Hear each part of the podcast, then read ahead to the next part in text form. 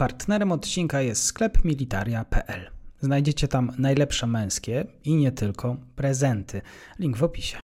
Dzień dobry Państwu, dzień dobry wszystkim widzom, dzień dobry wszystkim słuchaczom. Wielka przyjemność, bo ze mną już jest po raz kolejny, już od trzech lat właściwie spotykamy się od samego początku, można liczyć na wiedzę i doświadczenie pana Marka Budzisza, Strategy and Future. Panie Marku, dzień dobry, kłaniam się nisko. Dzień dobry, witam. Pretekstem do naszego spotkania pan Marek ma przy sobie y, jest nowa książka, nowa książka Pauza Strategiczna. E, już pewnie zobaczymy. Tak wygląda. Tak jest. Polska wobec ryzyka wojny z Rosją. E, właśnie, drodzy Państwo, warto zaopatrzyć się w książkę, którą Pan Marek pokazuje. Zona Zero, najnowsze wydanie, e, blisko 600, ponad 600 stron lektury e, tego, czy powinniśmy się i jak powinniśmy przygotować się do tej do najbliższych wyzwań. Panie Marku, państwa NATO w Europie mają tylko 5 do 9 lat na militarne przygotowanie się na ewentualny atak Rosji na terytorium sojuszu. To jest wątek z analizy opublikowanej przez niemiecką Radę Stosunków Zagranicznych. Nie wiem, czy pan zapoznał się, zapewne tak, z wnioskami z naszych zachodnich sąsiadów, ale no, ci autorzy tego raportu są przekonani, że no, mamy bardzo mało czasu, żeby zapobiec kolejnej wojnie w Europie. To też jest takie myślę, że na przekór wszystkim tym, którzy twierdzą, że Rosja swoje siły wyczerpuje, a na pewno wyczerpała w drastycznym, w drastycznym tutaj narzędzi nie ma zbyt wiele. Tak. Dziękuję za to pytanie, bo ono jest bardzo istotne. Ja oczywiście znam ten raport DGPA, pisałem też o nim i też warto kiedy się go będzie czytać, on jest po angielsku, w związku z tym nie ma bariery językowej, myślę, zwrócić uwagę nie na ten termin, tam w gruncie rzeczy mówi się od, od 6 do 10 lat. Te, te, ci eksperci niemieccy dokonują też pewnej nie tyle oceny, co raczej projekcji, jeśli chodzi o wyzwania polityczne, bo ten termin 5-9 lat jest związany z ich, a moim zdaniem nie tyle ich, bo o tym też mówili przedstawiciele amerykańskiego wywiadu i to jest chyba to źródło, e, którzy mówili, że Rosja odbuduje swój potencjał w zakresie sił lądowych, bo ten wydaje się najbardziej uszczuplony w wyniku wojny na Ukrainie w terminie od 5 do 10 lat. W związku z tym niemieccy eksperci, dlatego ten raport jest ważny, nie, nie, nie z powodu tych dat, które oni podają, tylko z innego zupełnie powodu, dlatego że oni zastanawiają się, mm, co to oznacza z punktu widzenia skuteczności polityki odstraszania. Federacji Rosyjskiej oczywiście, co, co jest jasne, że Federacja Rosyjska w sensie wojskowym jest dzisiaj głównym i największym, może, może raczej największym, a nie tyle głównym zagrożeniem dla e, świata, świata zachodu. A w związku z tym, żeby uniknąć wojny, trzeba e, zmodernizować politykę odstraszania Federacji Rosyjskiej. I na to jest dość ograniczony czas.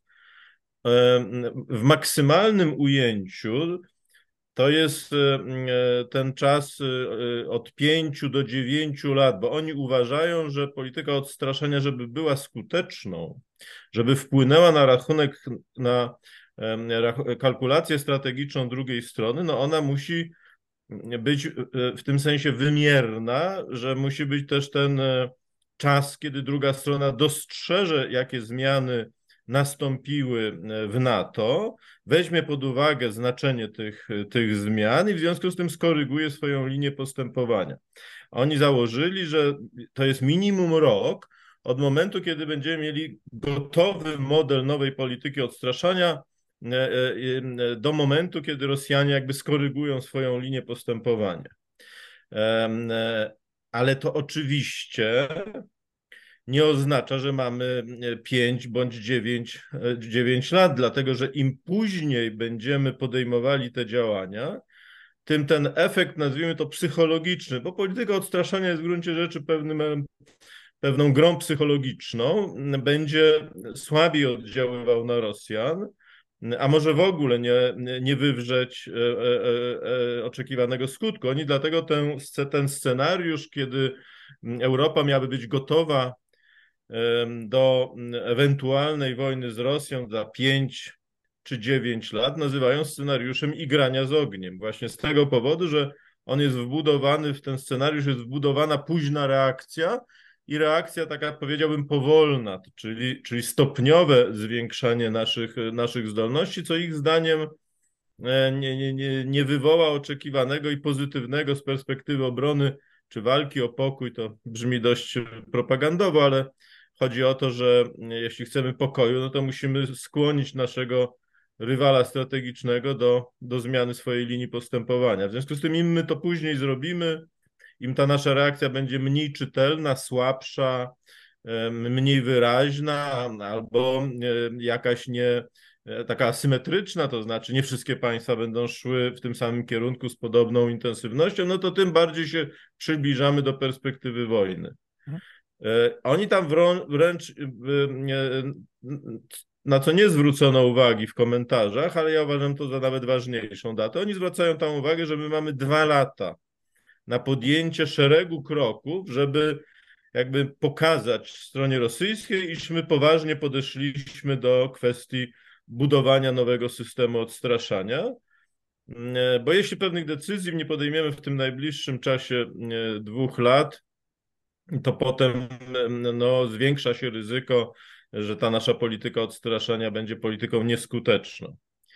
E, I to w gruncie rzeczy też trochę koresponduje z innymi wypowiedziami, no na przykład przedstawicieli wywiadu Estonii chociażby, ale też i Litwy, e, państw bałtyckich, czy, czy, czy, czy, czy niektórych analityków amerykańskich, takich jak choćby Andrew Michta, którzy uważają, że to nie jest kwestia 5-10 lat, kiedy Rosja będzie znowu groźna dla świata zachodu, ale że to jest perspektywa dwóch lat, dlatego że e, ten, ten, ta przerwa, czy ten czas 5-10 lat, to po pierwsze mówimy tu o pewnych ramach, czyli równie dobrze to może być 7 lat, a nie, a nie akurat 10, jak niektórzy u nas myślą, bo ci, którzy myślą 10, to w tyle głowy mają, że no być może 12, bo Rosjanom nie idzie tak szybko, jak, jak, jak oni to zapowiadają.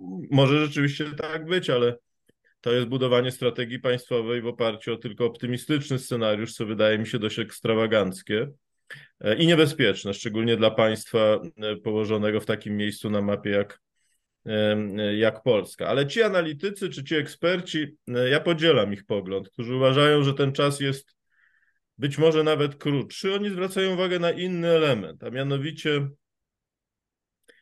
ten, e, te oceny, to Avril Hines, nadzorująca wszystkie amerykańskie służby specjalne, mówiła o tym w kongresie, ona podawała te cyfry 5-10 lat, no one raczej odnoszą się do perspektywy amerykańskiej.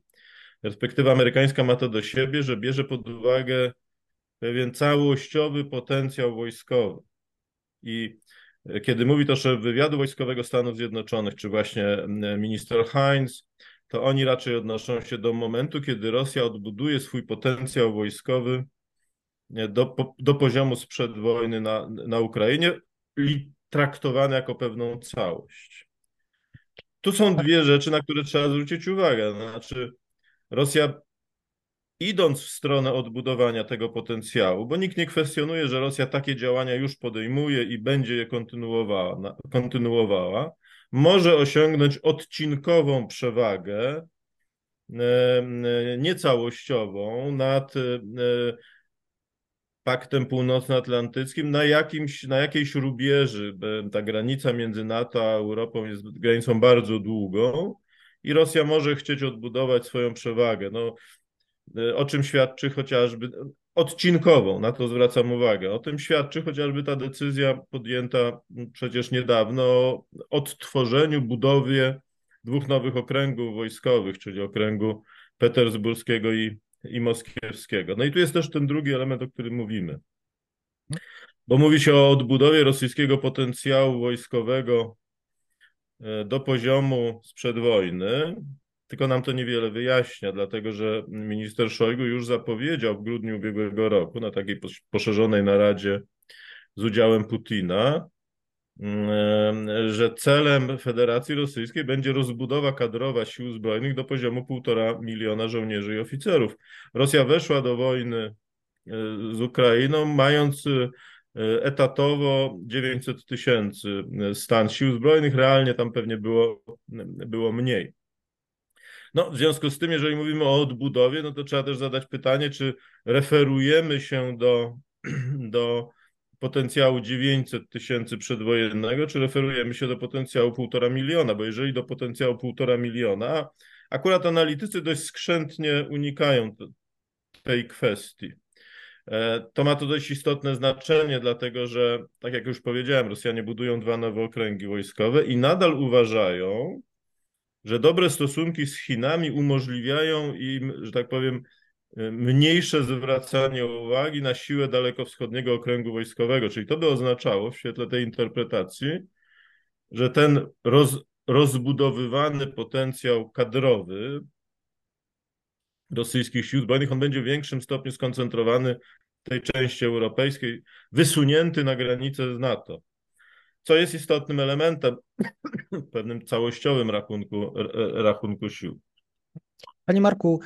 I jeszcze jedno, tylko jeszcze dokończę myśl. I, i, i, i, no i tu jest jeszcze jeden element, na który też trzeba zwrócić uwagę. Znaczy, Rosjanie wyjdą z tej wojny, mm, mając zupełnie inne siły zbrojne. To znaczy, ci, którzy przeżyją, e, oficerowie, też i żołnierze, będą ludźmi już z doświadczeniem współczesnego pola walki.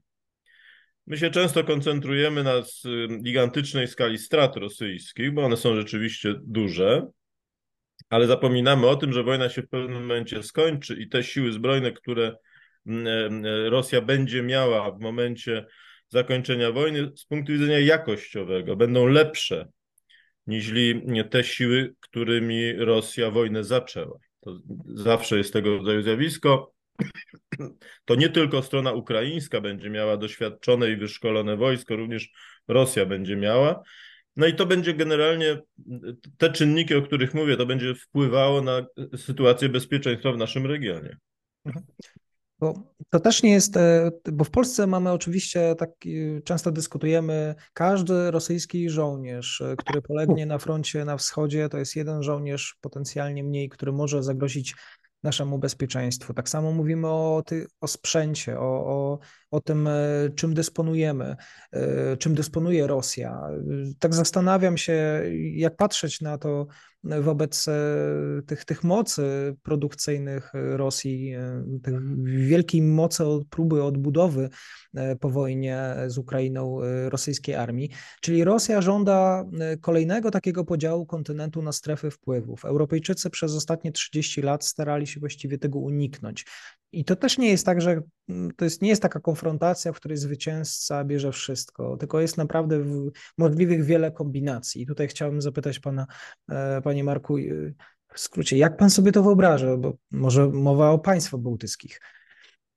Nie, czy zacząłbym od czegoś innego, bo słusznie pan zauważył, i to jest w ogóle rachunek słuszny, że każdy wyeliminowany, użyjmy takiego eufemizmu, żołnierz rosyjski to jest potencjalnie jeden mniej z tej siły, która mogłaby być zwrócona przeciwko NATO.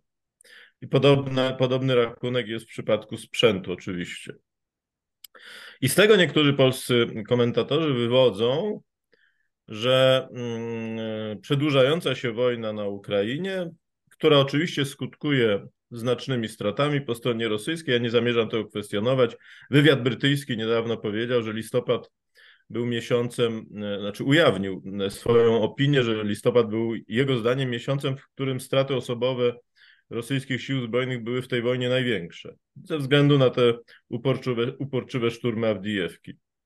W związku z tym te straty mają miejsce, tylko my mamy taką skłonność porównywania dwóch rzeczy, e, które porównywać trudno, czyli pewnego bytu realnego jakim jest rosyjska armia dzisiaj walcząca na Ukrainie, ponosząca straty, słabo sobie radząca w niektórych obszarach, ucząca się, zmieniająca sposób walki, no ale to jest jakiś tam byt, byt realny, też i cały system mobilizacyjny Rosji, nastawienie opinii publicznej, etc. Z bytem wymyślonym. Tym bytem wymyślonym jest potencjał NATO i Polski. No, Dzisiaj polskie siły zbrojne, według ocen rosyjskich ekspertów, nie propagandystów, i to jest ocena prawidłowa, pod, w, w, komponencie wojsk lądowych mają 4, 68 tysięcy żołnierzy. 68 tysięcy żołnierzy.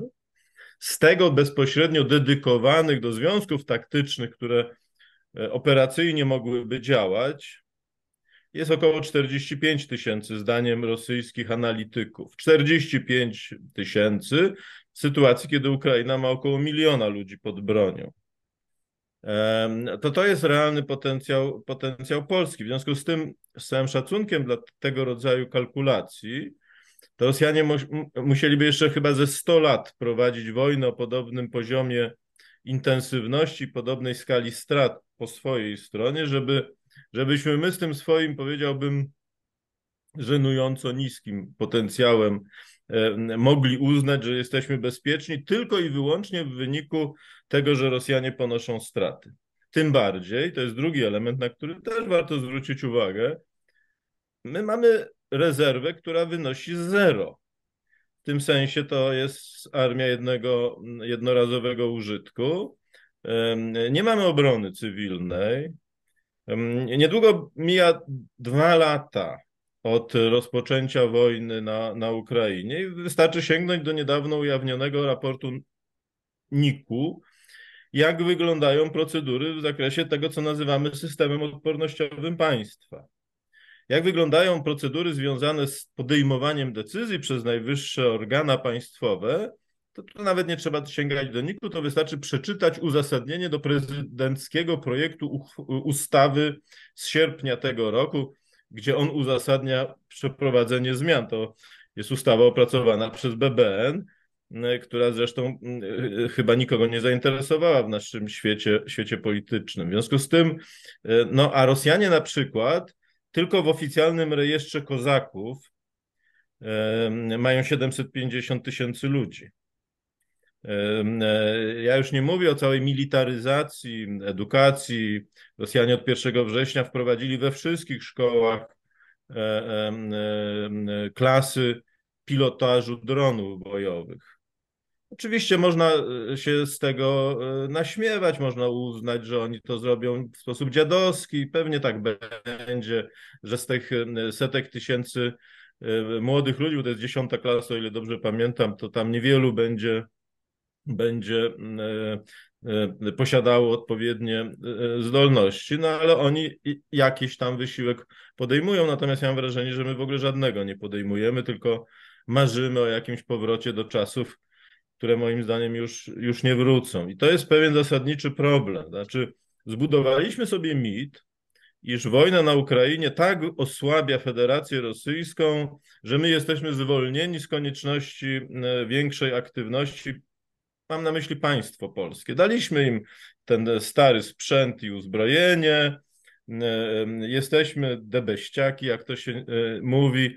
W związku z tym już nic nie możemy, nie musimy robić. Nie musimy się szkolić, nie musimy wprowadzać procedur, nie musimy budować systemu odpornościowego, nie musimy budować rezerw materiałowych, no i tak dalej, i tak dalej. Jest bardzo dużo tego rodzaju, tego rodzaju wątków i to mnie niestety napawa pewnym smutkiem, dlatego że mm, ja nie uważam, żeby Rosja w sposób znaczący słabła. Siła ma zawsze takie relatywne, e, relatywne e, e, znaczenie. W tym sensie relatywne, że jesteśmy silni w relacji do kogoś. Jeżeli nasz przeciwnik jest słaby, bo nic nie robi, to nasza siła, nawet jeśli jest 10% słabsza, a wcześniej była 300% większa, to i tak jest wystarczająca, żeby, żeby, żeby pokonać tego przeciwnika. Bałtowie robią znacznie więcej niż my, to musimy mieć tego świadomość. Litwa przedstawiła program stworzenia mm, do roku 2030 zbudowania lekkiej dywizji w litewskich siłach zbrojnych. No musimy pamiętać, że, że na Litwie mieszka około 3 miliony, mm, e, miliony ludzi, czyli gdyby odnosić te realia do, do, do, do polskiej demografii, to my powinniśmy realizować plan stworzenia 13 dywizji, a budujemy 6 łącznie z tymi zapowiedzianymi, do których stworzenia jeszcze daleka droga, a moim zdaniem w ogóle się to nie uda bez odważniejszych decyzji w zakresie, w zakresie poboru. To jest miara naszej, wydaje się, beztroski. Otóż uważamy, że inni nas obronią, albo, albo Amerykanie, albo Ukraińcy, tocząc niekończącą się wojnę z Rosją i tak długo będą walczyć, aż ich w końcu tą Rosję obalą. No, e, to jest budowanie strategii państwowej na jednym bardzo optymistycznym i dość wygodnym scenariuszu, tak bym to, e, tak bym to ujął. Nie jesteśmy Niemcami, państwem otoczonym przez przyjaciół, nie jesteśmy tym bardziej Francją, państwem oddalonym od Federacji Rosyjskiej i dysponującym bronią jądrową, ale też i bardzo sprawną i nowoczesną armią, tylko że nie, nie przeznaczoną do toczenia wojny lądowej w naszej części Europy. Mm, nie jesteśmy tymi państwami, a zachowujemy się jak gdyby, jak gdyby ta wojna nas w coraz mniejszym stopniu dotyczyła. I te deklaracje rosyjskie, które się nie, nie tylko, one się nie, nie tyle nie zmieniają, Rosja jeszcze zaostrza swoje stanowisko. Minister Ryabkow, wiceminister spraw zagranicznych, dwa dni temu w wywiadzie w Izwiestiach powiedział dość otwarcie, wprost, że te cele rosyjskie, które zostały sformułowane w grudniu 21 przez y, Putina, one dotyczą bezpośrednio Polski, one są już nieaktualne. Rosja dzisiaj będzie dążyła do, e, w tej generalnej rozgrywce z Zachodem, będzie dążyła do czegoś więcej. Ryabkow nie powiedział czego więcej, ale ja to odnoszę do artykułu Miedwiediewa. Miedwiediew jako model relacji polsko-rosyjskich przywołał e, PRL. Jego zdaniem to jest y, ten model, gdzie i Rosja czuła się bezpieczna i Polska mogła się rozwijać, tylko musiała zrezygnować ze swoich absurdalnych ambicji regionalnych. No, Rosjanie e, żyją może... w jakiejś mitologii, tak? Proszę? Rosjanie żyją w jakichś mitologicznych relacjach z Polską.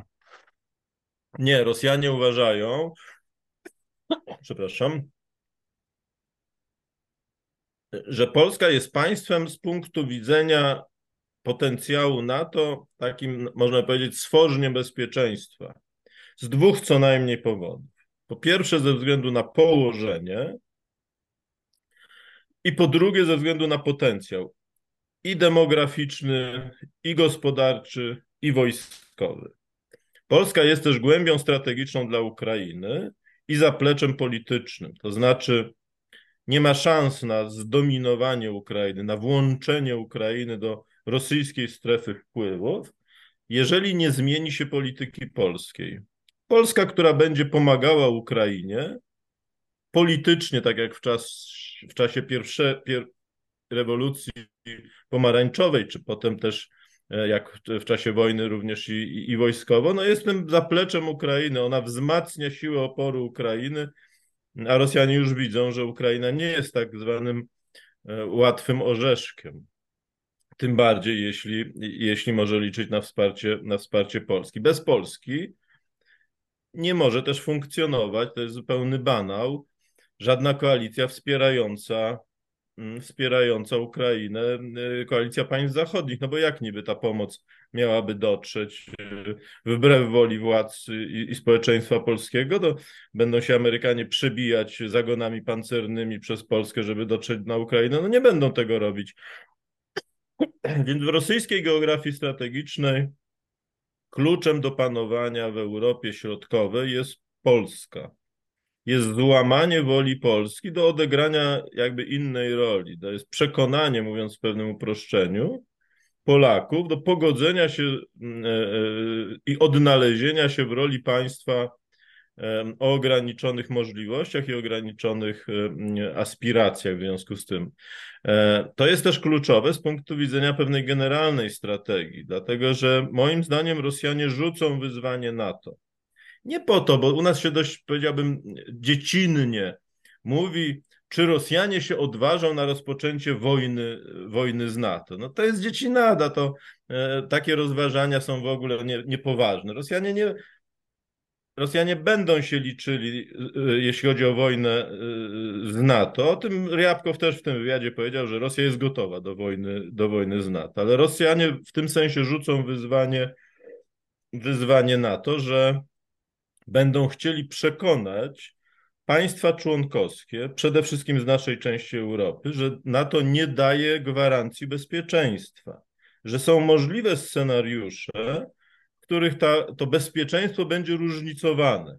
Innym bezpieczeństwem będzie objęta Europa Zachodnia, ten obszar kluczowy z punktu widzenia amerykańskiej geografii strategicznej, a innym bezpieczeństwem będzie objęta Europa Środkowa Europa, Europa Wschodnia. To jest istota rosyjskiego podejścia. To nie jest kwestia, że my musimy wywołać wojnę i tą wojnę wygramy, w związku z tym zaprowadzimy nasz porządek, bo przekonanie państw naszego regionu o tym, że NATO nie jest wydolnym systemem bezpieczeństwa, otwiera całą gamę możliwości, tak, dostosowywania się polityki tych państw no, do nowej sytuacji, no bo jeżeli NATO nie gwarantuje nam bezpieczeństwa, to my musimy sobie w jakiś inny sposób zagwarantować to bezpieczeństwo, być może współpracując z Rosją, co oznacza w, w ujęciu rosyjskim akceptację jej e, obszarów jakby wy, wyłącznych e, interesów albo obszarów, obszarów dominacji. NATO w związku z tym też, które nie nie daje gwarancji bezpieczeństwa państwom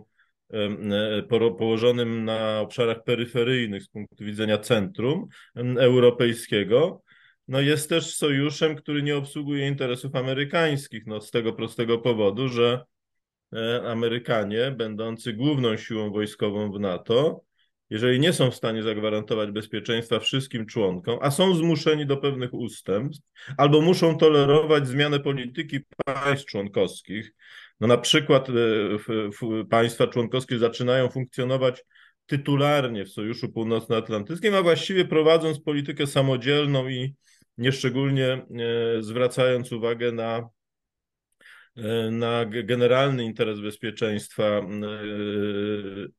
wielostronnego, no to takie Stany Zjednoczone, które muszą się godzić na takie nowe realia, są też już innym zupełnie mocarstwem, już przestają być hegemonem, już ta ich pozycja hegemonistyczna w pewnych obszarach kuli ziemskiej i to ważnych zostaje wzruszona, bo oni muszą się godzić na, na to różnicowanie bezpieczeństwa. To jest pewnego rodzaju, moim zdaniem, podejście rosyjskie.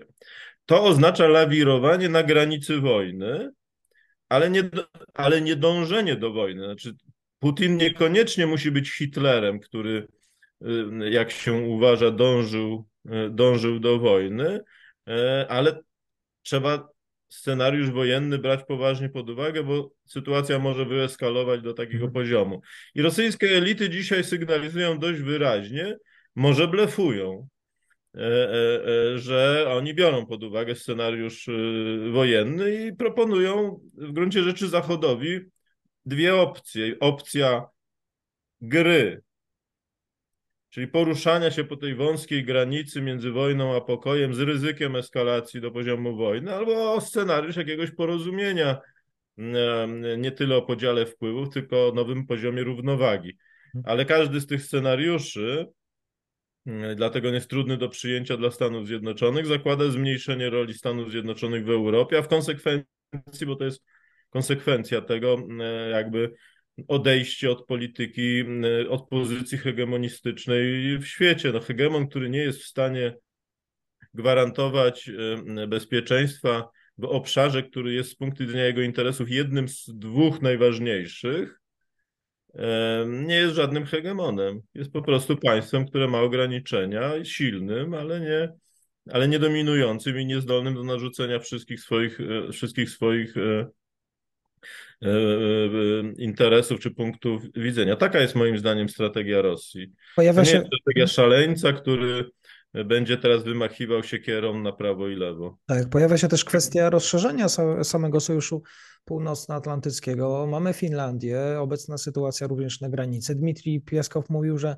przyciąganie europejskich wojsk do granicy rosyjsko-fińskiej może wywołać napięcie, że w Finlandii nikt i nic nie zagraża, że właściwie w tym przypadku są to nadmierne środki mające na celu zapewnienie takiego bezpieczeństwa granic, że nie ma żadnego zagrożenia, co zmienia akcesja chińska, co zmienia też zaangażowanie szwedzkie e, w, w kontekście tej, tej, tej rosyjskiej pauzy i przygotowywania się.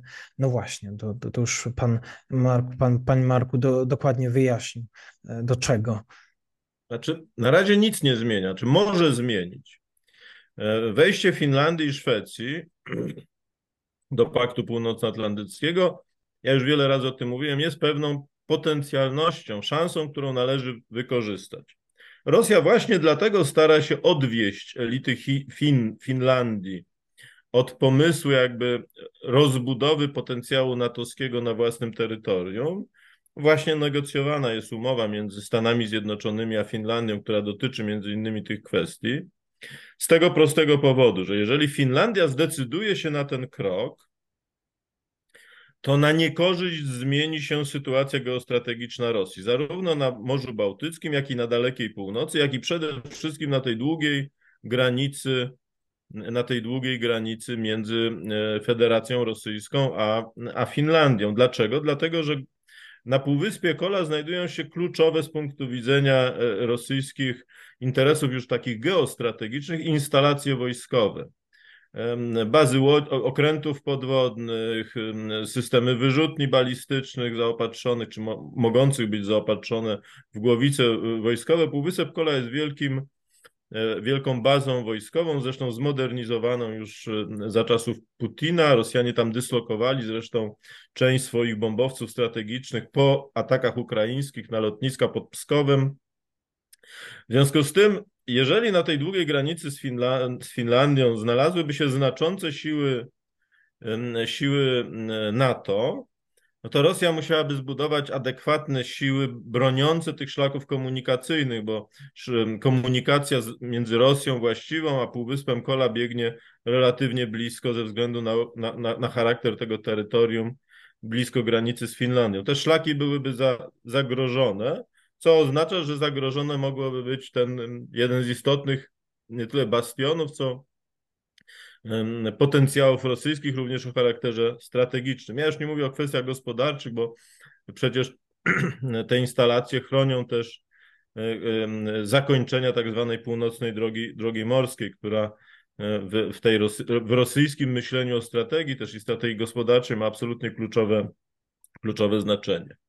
E, e, to tego rodzaju e, scenariusz rozwoju wydarzeń z punktu widzenia Rosji oznaczałoby rozciągnięcie sił. Rosjanie nie byliby w stanie koncentrować znaczących sił, bo te siły, nawet również te zwiększone, o których mówimy na podstawie deklaracji Szojgu i Putina, do, do półtora miliona, one musiałyby bronić znacznie dłuższej granicy, ponad 2000, chyba 600 600 y, kilometrów. One siłą rzeczy byłyby rozproszone, nie, nie byłyby, co, co samo rozproszenie utrudnia ze względu na rosyjskie zdolności logistyczne, sieć kolejową, sieć drogową, to utrudnia koncentrację sił. Nauka, jedna z nauk wojny na Ukrainie jest tego rodzaju, że w sytuacji współczesnego pola walki, nasyconego rozmaitego rodzaju sensorami, i te sensory są sprzęgnięte w jeden system zwiadu, rozpoznania i, i świadomości sytuacyjnej, to to jeszcze dodatkowo ten, ta ewolucja technologiczna utrudnia koncentrowanie sił niezbędnych, żeby dokonać jakiegoś uderzenia. Więc to, co robią Rosjanie, no to prowokują różnego rodzaju napięcia po to, żeby i zastraszyć, i nazwijmy to przekonać Finów, ażeby ci nie podejmowali albo podejmowali z pewnym opóźnieniem, mm, spowodowani ostrożnością czy obawą na, przed rosyjską reakcją, nie podejmowali pewnych działań, które to mogłyby pogorszyć sytuację strategiczną Rosji. To jest tylko jeden z tych obszarów. Drugi obszar dotyczy chociażby Morza Bałtyckiego. No tam jest kwestia statusu archipelagu Wysp Alandzkich, które zostały no to jeszcze w XIX wieku e, e, w jednym z porozumień pokojowych e, zdemilitaryzowane. Dzisiaj tam jest między innymi konsulat rosyjski. Te wyspy są wolne od, choć Finlandia jest państwem do którego ten archipelag należy, to one, to na tych wyspach nie ma instalacji o charakterze wojskowym. W Finlandii, zwłaszcza po wyborach, trwa dyskusja, czy, czy nie odejść od tej polityki i nie doprowadzić do remilitaryzacji archipelagu alandzkiego, co też jest oczywiście pewną możliwością, bo jeżeli taka decyzja zostanie podjęta, ja uważam, że powinna zostać podjęta, ale niekoniecznie tak muszą uważać Finowie no to zmienia się też sytuacja strategiczna na Morzu Bałtyckim, bo wtedy wyjście rosyjskiej marynarki wojennej na, na Bałtyk byłoby bardzo trudne, z punktu widzenia NATO można by blokować to w portach już rosyjskie siły, siły na Bałtyku, co oczywiście nie mamy czasu, żeby to precyzyjnie czy szczegółowo omawiać, ale, ale zmienia w sposób zasadniczy sytuację e, obwodu królewieckiego. W związku z tym Rosjanie jakby oceniając to, co się może stać na Bałtyku i co może się stać w związku z wejściem Finlandii i Szwecji, Szwecja tu jest nie mniej ważna, a może nawet ważniejsza, do, e, e, do NATO. Szwecja kontroluje Gotlandię, remilitaryzacja Gotlandii oznacza w gruncie rzeczy kontrolę nad trasami żeglugowymi na, na Bałtyku. No to, to jest cała, cała sekwencja zdarzeń, które są bardzo, bardzo istotne. No proszę zwrócić uwagę, że to może też w perspektywie zmienić wszystkie kanały logistyczne amerykańskie, jeśli chodzi o dostawy sprzętu i systemów y, wojskowych do Europy. One do tej pory wiodły przez y, Niemcy przede wszystkim, przez porty niemieckie i holenderskie. Y, wejście Szwecji do NATO i przekształcenie Bałtyku w takie zamknięte jezioro natowskie, kontrolowane wojskowo przez, przez NATO, daje możliwość, ja nie twierdzę, że Amerykanie to zrobią, ale już samo posiadanie takiej możliwości oznacza zmianę sytuacji na kontynencie europejskim, przesterowania części tych, tych linii zaopatrzenia, choćby do portu w Göteborgu, który to jest portem niezamarzającym, tak, tam E, e, e, no i, i, i zlokalizowanym w Szwecji. Szwecja generalnie ma znacznie, powiedziałbym, woju, bardziej wojownicze nastawienie wobec Rosji niż, niż Niemcy. To zmienia sytuację na kontynencie europejskim, czy może zmienić. Rosjanie też tego nie chcą. Rosjanie uważają, że Skandynawowie są znacznie bardziej nieprzychylnie Rosji nastawieni niż Niemcy. W związku z tym lepiej jest, jeśli więcej do powiedzenia w polityce europejskiej mają Niemcy niż na przykład Skandynawowie, którzy jeszcze co gorsza mogą się dogadać z Polakami i Bałtami.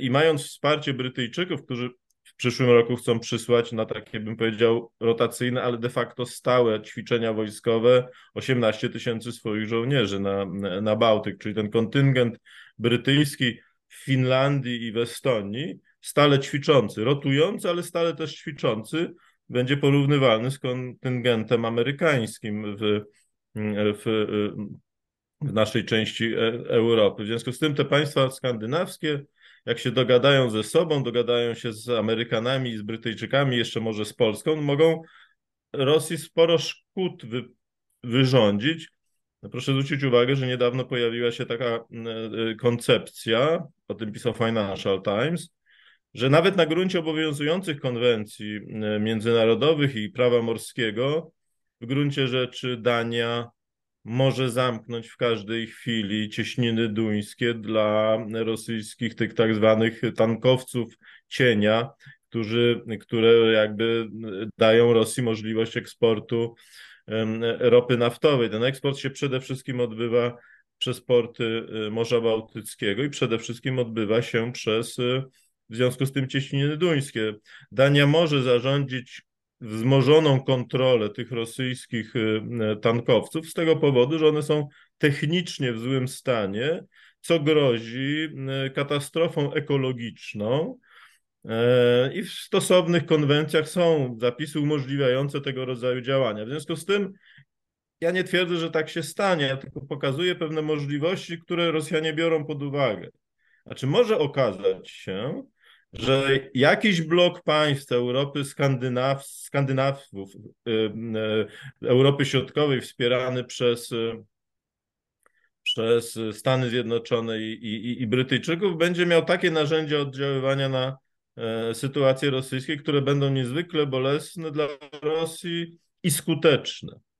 E, I Rosja nie będzie w stanie równoważyć tych wpływów grą, którą tak bardzo lubi, grą z tymi państwami europejskiego południa czy, e, czy, czy z Niemcami. To, To jest pewien scenariusz, y, który moim zdaniem Rosja analizuje i w, z dużym wyprzedzeniem buduje sytuację, która jej zdaniem ma odwieść Skandynawów przede wszystkim od tego rodzaju polityki. Ona pokazuje swoją determinację i nawet gotowość do rozpoczęcia wojny, eskalowania e, napięcia, bo lepiej atakować wtedy, kiedy tego rodzaju e, nazwijmy to blok czy, czy porozumienie nie powstało, a w związku z tym ryzyko jest większe niż wtedy, kiedy ono już powstanie.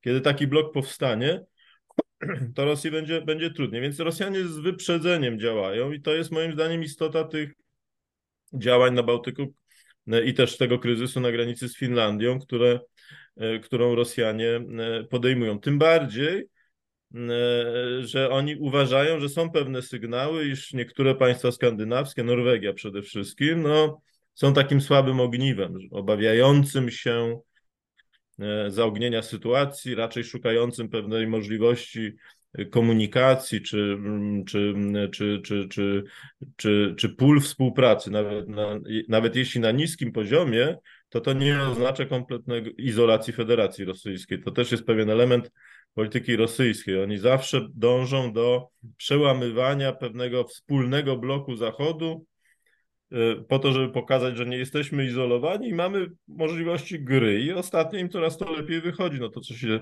y, dzieje w północnej Macedonii na, na, na tej konferencji OBWE, no to jest wyraźnym tego y, sygnałem właśnie. Tak jest. Czyli tak, podsumowując, bo też powoli zbliżamy się, zbliżamy się do końca, czy jest, może jednym zdaniem, bo tak, to nie jest tak, że mamy czas. E, nie ma, nie powinniśmy wierzyć w jakiekolwiek informacje, pogłoski o upadku Rosji. E, też pod kątem ekonomicznym wcale nie jest tak, że Rosja radzi sobie słabo, albo przynajmniej słabnie. Rosja cały czas odbudowuje swoje siły zbrojne. I tutaj pytanie, czy jest jakiś motor napędowy w Sojuszu Północnoatlantyckim, ktoś, kto tłumaczy całej reszcie w gronie sojuszników. Drodzy Państwo, e, musimy, musimy, się, e, musimy być pewni i świadomi tych, tych wyzwań i nie patrzeć tylko na Ukrainę, ale również spoglądać na, na własne podwórko, na własne siły zbrojne. Jakiś motor tych, tych, tych działań, motor napędowy. No, cały problem polega na tym, że tu żadnego motoru napędowego nie ma.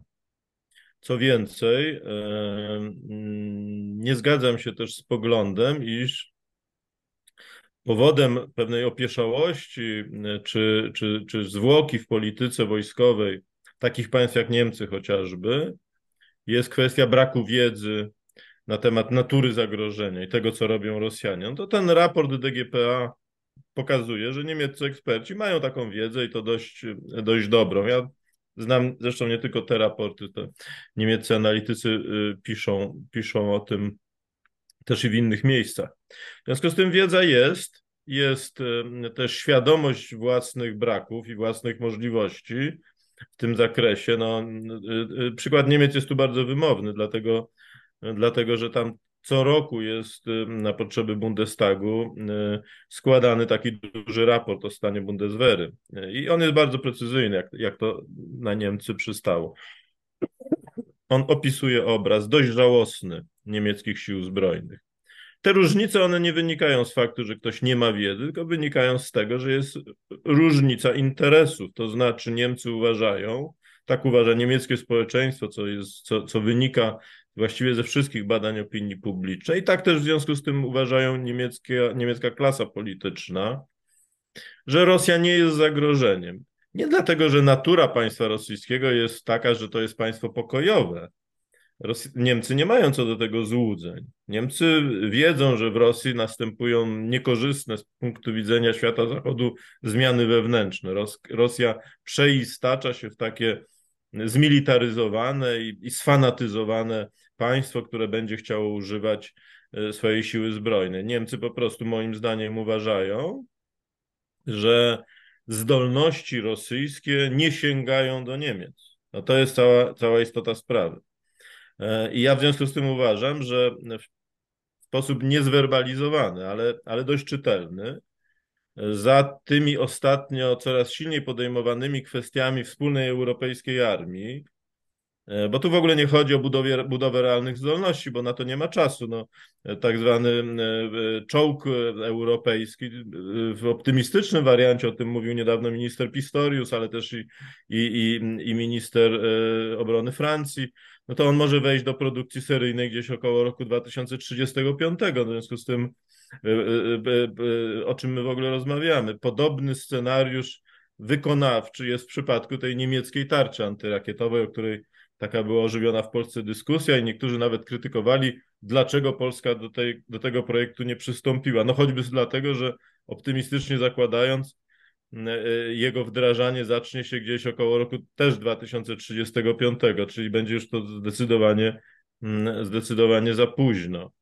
W związku z tym tu w ogóle nie jest, e, nie, nie o to chodzi. Tu raczej wydaje mi się chodzi o coś innego, a mianowicie te dyskusje o europejskiej armii, które się teraz nasilają przy okazji tej debaty o zmianie systemu podejmowania decyzji we wspólnocie, one moim zdaniem oznaczają podjęcie próby przez Europejskie Centrum kontrolowania potencjałów, czyli trybu decyzyjnego, związanego z decyzją o, o wojnie i pokoju, o użyciu sił zbrojnych, które dzisiaj są w rękach państw członkowskich zlokalizowanych na wschodniej flance NATO. Otóż ja uważam, że e, to między innymi ten raport DGPA e, moim zdaniem o tym świadczy. I w Berlinie, i w Paryżu, i w Brukseli, też i w Amsterdamie najprawdopodobniej, tamtejsze elity doszły do wniosku, że wojna z Rosją a z pewnością wzrost napięcia, i to znaczny, na granicy NATO i Rosji jest czymś nieuchronnym i to w krótkiej perspektywie, a nie długiej. Krótkiej, czyli na przykład pięciu lat. E, w takiej perspektywie, która nie daje szans Europie na zbudowanie własnego potencjału wojennego. A w związku z tym możemy się znaleźć w sytuacji, kiedy ze względu na działania rosyjskie, te relacje ulegają zaostrzeniu. Rosja przystępuje do realizacji jakiegoś kolejnego planu geostrategicznego i państwa Europy Środkowej, też i Skandynawowie, wojowniczy znacznie bardziej niż, niż centrum Europy i dysponujący realnymi zdolnościami, nie zamierzają ustępować pod wpływem rosyjskich prób wzruszenia sytuacji strategicznej już w naszej części Europy. Innymi słowy, szykują się do wojny. E, I jeżeli to w Warszawie, w Helsinkach czy w Sztokholmie, nie mówiąc już o Wilnie czy Rydze, będą te decyzje podejmowane, to zderzenie tych dwóch tendencji może oznaczać, że Europa znajdzie się w wojnie po prostu, niezależnie od tego, co Berlin czy Paryż będą chcieli lub nie chcieli, dlatego że to będzie poza obszarem ich decyzji. Decyzja o tym, czy walczyć, będzie podejmowana w Helsinkach i w Warszawie i w Bukareszcie. Nie mówię już o Kijowie. A w związku z tym te działania, taka jest moja teza i e, chciałbym, żebyśmy zaczęli o tym poważnie dyskutować. Te działania, które ostatnio ulegają takiemu nasileniu w zakresie suwerenności, polityki zagranicznej i polityki wojskowej, one mają doprowadzić moim zdaniem do sytuacji, kiedy decyzje o wojnie lub pokoju nie będą zapadały w Warszawie czy w Sztokholmie, ale będą zapadały w Brukseli i Berlinie. Tylko, że to z naszej perspektywy oznacza, że jeżeli Europa jako całość nie będzie gotowa do wojny, a moim zdaniem nie będzie, bo niewiele w tym, w tym e, e, momencie robi, to wejdziemy w logikę e, Mińska II. Wejdziemy w logikę ustępstw na rzecz rosyjskiej agresji czy agresywności, płacąc naszymi interesami strategicznymi po to, żeby zyskać czas. To jest moim zdaniem bardzo ważny scenariusz, e, bardzo po, e, po, to jest scenariusz, który powinniśmy brać pod uwagę. I to jest moim zdaniem myślenie, które stoi za tymi ostatnio pojawiającymi się silnymi trendami federalizacyjnymi. Tu w ogóle nie chodzi o sprawność zarządzania Unią Europejską, e, bo argument, że 30 państwami można zarządzać w sytuacji, kiedy, kiedy jest zasada jednomyślności, ale już 35 to w żadnym wypadku się nie da, no to to jest argument, który się nie broni nawet na poziomie elementarnej logiki.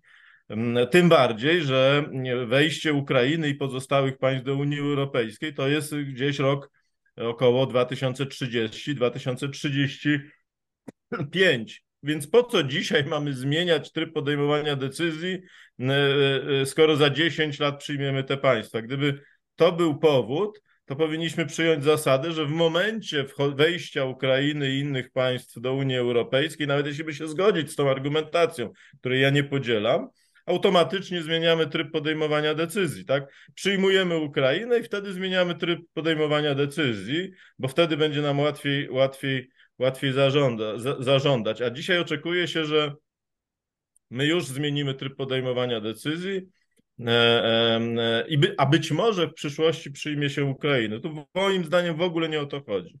Ja uważam, że chodzi o to, żeby pozbawić E, postrzegane jako wojownicze państwa Europy Środkowej i Skandynawię możliwości wciągnięcia Europy e, do wojny z Rosją, bo Rosja będzie chciała zaostrzyć sytuację i będzie chciała rozegrać, rozegrać sytuację w Europie Środkowej według własnego e, scenariusza i zastanie Europę nieprzygotowaną. A Europa Zachodnia wojny nie chce, tym bardziej nie chce ryzykować, że Polacy tą Europę Zachodnią do wojny swoją nieustępliwością po prostu wciągną. I to jest moim zdaniem główny motyw mówienia o tej federalizacji. I tym akcentem zakończymy. Drodzy Państwo, zachęcam raz jeszcze, bo nasza rozmowa oczywiście to jest pretekst do tego, żeby książkę zakupić. Linki umieszczam w opisie. Pauza strategiczna Polska wobec ryzyka wojny z Rosją. Autor książki, pan Marek Budzisz. Bardzo dziękuję za wyczerpujące wypowiedzi, za spotkanie. Jak zawsze, że można na pana liczyć. I e, gdzie najbliższe spotkanie z, z tymi, którzy będą chcieli nawet podpisać książkę, spotkać się na żywo? Y, już w najbliższą niedzielę na targach książki w Arkadach Kubickiego będę podpisywał y, moją najnowszą książkę. To wtedy, wtedy. O 14, o ile dobrze pamiętam, proszę poczekać, sprawdzę. Nie zapisałem godziny, ale chyba o 14.